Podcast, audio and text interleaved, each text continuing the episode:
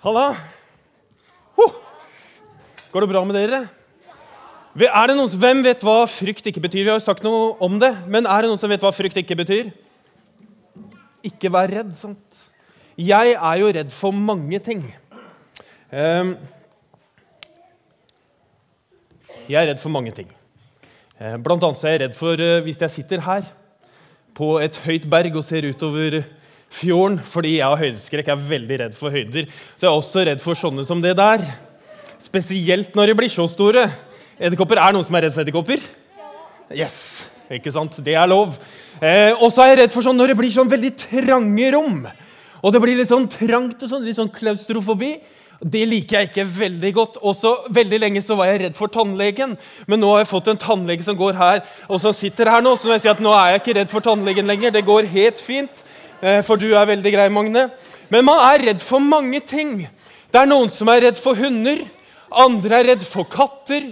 Det er noen som er redd for sprøyter og bakterier og slanger. Og lenge så var det mange som var redd for å ta telefonen, men det, var ofte når vi hadde liksom telefoner i rør med ledning, og sånn, for da visste man ikke hvem som ringte.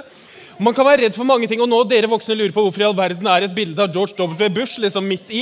Men det er nemlig, ifølge fobi.no så, så når George W. Bush var president i USA, så kom det opp et nytt begrep for fobi som heter Bush-fobi. Så nå kan man lure når kommer Trump til å gå forbi. Men er, så er det mange som er redd for svigermor. Og så er det også noen som er redd for fugleskremsler. Uten sammenligning for øvrig. Og det er også noen som er redd for, for banjo. Det er mange ting som man kan være redd for. Men vet dere hva? Frykt, eller det å være redd for noe, det er i utgangspunktet ikke noe farlig. Fordi frykt det er jo bare en følelse. Og følelser det er jo ikke farlig. Det er jo nemlig sånn at Frykt og det å være redd for noe det kan jo faktisk redde livet ditt. Det er jo en bra ting egentlig. Og i Bibelen så står det faktisk 365 ganger 'frykt ikke'. Én gang for hver gang. Fordi Gud vil ikke at du skal være redd for ting som du ikke trenger å være redd for. Gud vil ikke at du skal være redd for ting du ikke trenger å være redd for. Noen ganger, jeg vet ikke om du har opplevd det, men av og til så kan man grue seg på forhånd til noe. Altså til en prøve eller eksamen, eller man skal til en undersøkelse eller sånne ting. Eh, og så når du kommer dit, så oppdager du at det var ikke noe å være redd for allikevel. Av og til, for eksempel, Det er jo mange som er redd for å, å fly, f.eks. Noen er redd for det, og når du kommer i fly, så vet du at jeg er ikke så redd for allikevel. Og så kan du kanskje gå inn i en sånn, sånn eh, zoologisk hage, og så skal du inn liksom i, i, den der, nå husker jeg ikke hva den heter den gang, der det er slanger. Og så, så, ser du at det var ikke så mye å være redd for allikevel, for at de var bak et bur. Um, og jeg var sånn jeg, Dette bildet her er fra 2009, og da er jeg sånn uh, eh, leirprest på Camp Kolmyr. Og da var jeg kjempenervøs. Det var den tiden det var modent med, med litt, litt sånn korte T-skjorter på menn. Men da var jeg livredd på forhånd, fordi jeg visste det at der var det masse barn. 150 barn, og hvordan ville liksom, det gå? Men så gikk det ganske bra til slutt. Eh, og sånn er det av og til at vi kan grue oss til ting, men så går det bra likevel. Andre ganger så kan vi grue oss til ting, og så går det ikke så bra likevel. Det var nemlig, altså Hjemme hos oss jeg er ikke veldig sånn handy, men eh, min fru Maria hun hadde sagt til meg at vi skal, denne hyllen her den skal kuttes i to fordi vi skal ha den der og der. ikke sant? Og jeg målte og jeg liksom tegna og, tenkte, og var ganske nervøs for at dette skulle bli riktig. Og så når jeg har liksom kutta halvveis gjennom, så ser jeg at jeg har kutta på feil side av, av liksom den der greia. Og, så, og, da gikk det jo ikke så bra. Men så tenker du kanskje at du har en sånn pastoral fru, liksom, så det går bra. Men det gikk ikke bra. Det gjorde ikke det. Rett og slett.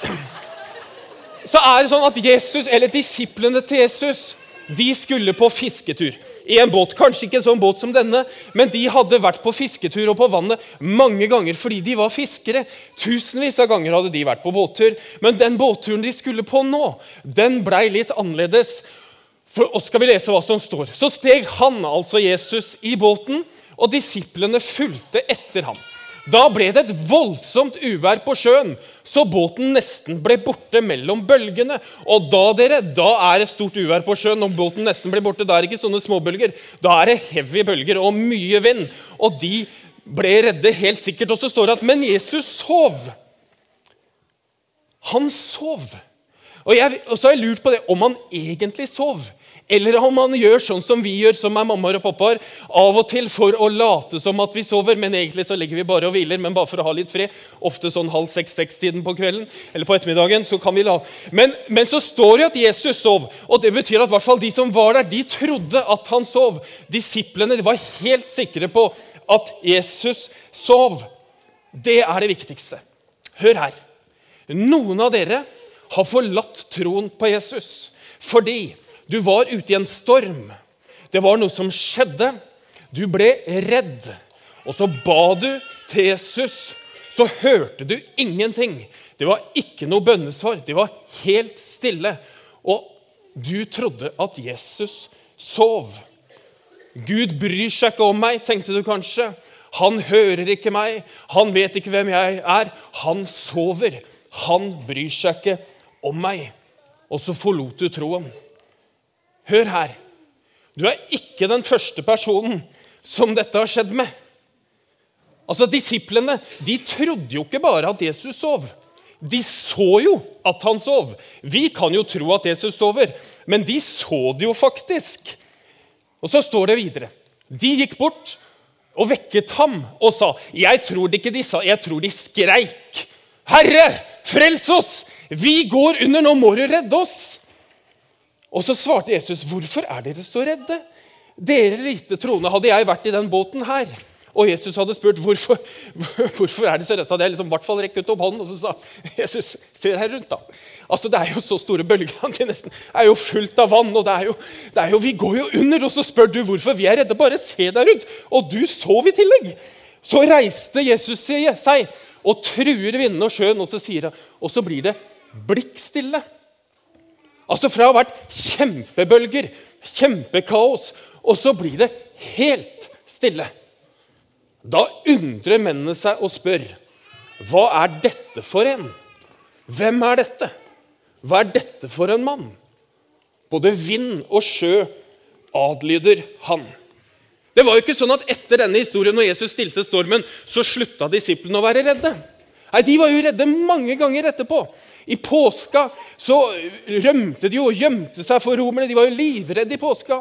De kom jo ikke til begravelsen hans engang. Og så jeg lurt på, Når var det det endra seg for disiplene?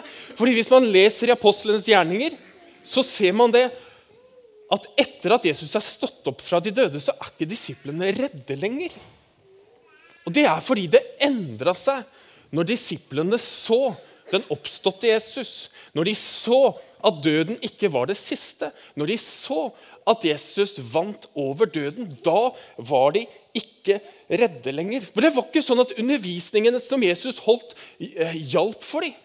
Det hjalp ikke heller at de så mirakler, men nå var det når de så den oppståtte Jesus, at det endra seg. Og Jesus sier, 'Salig er de som ikke ser, men som likevel tror'. Vet du hvorfor Jesus sier til oss 'vær ikke redde'?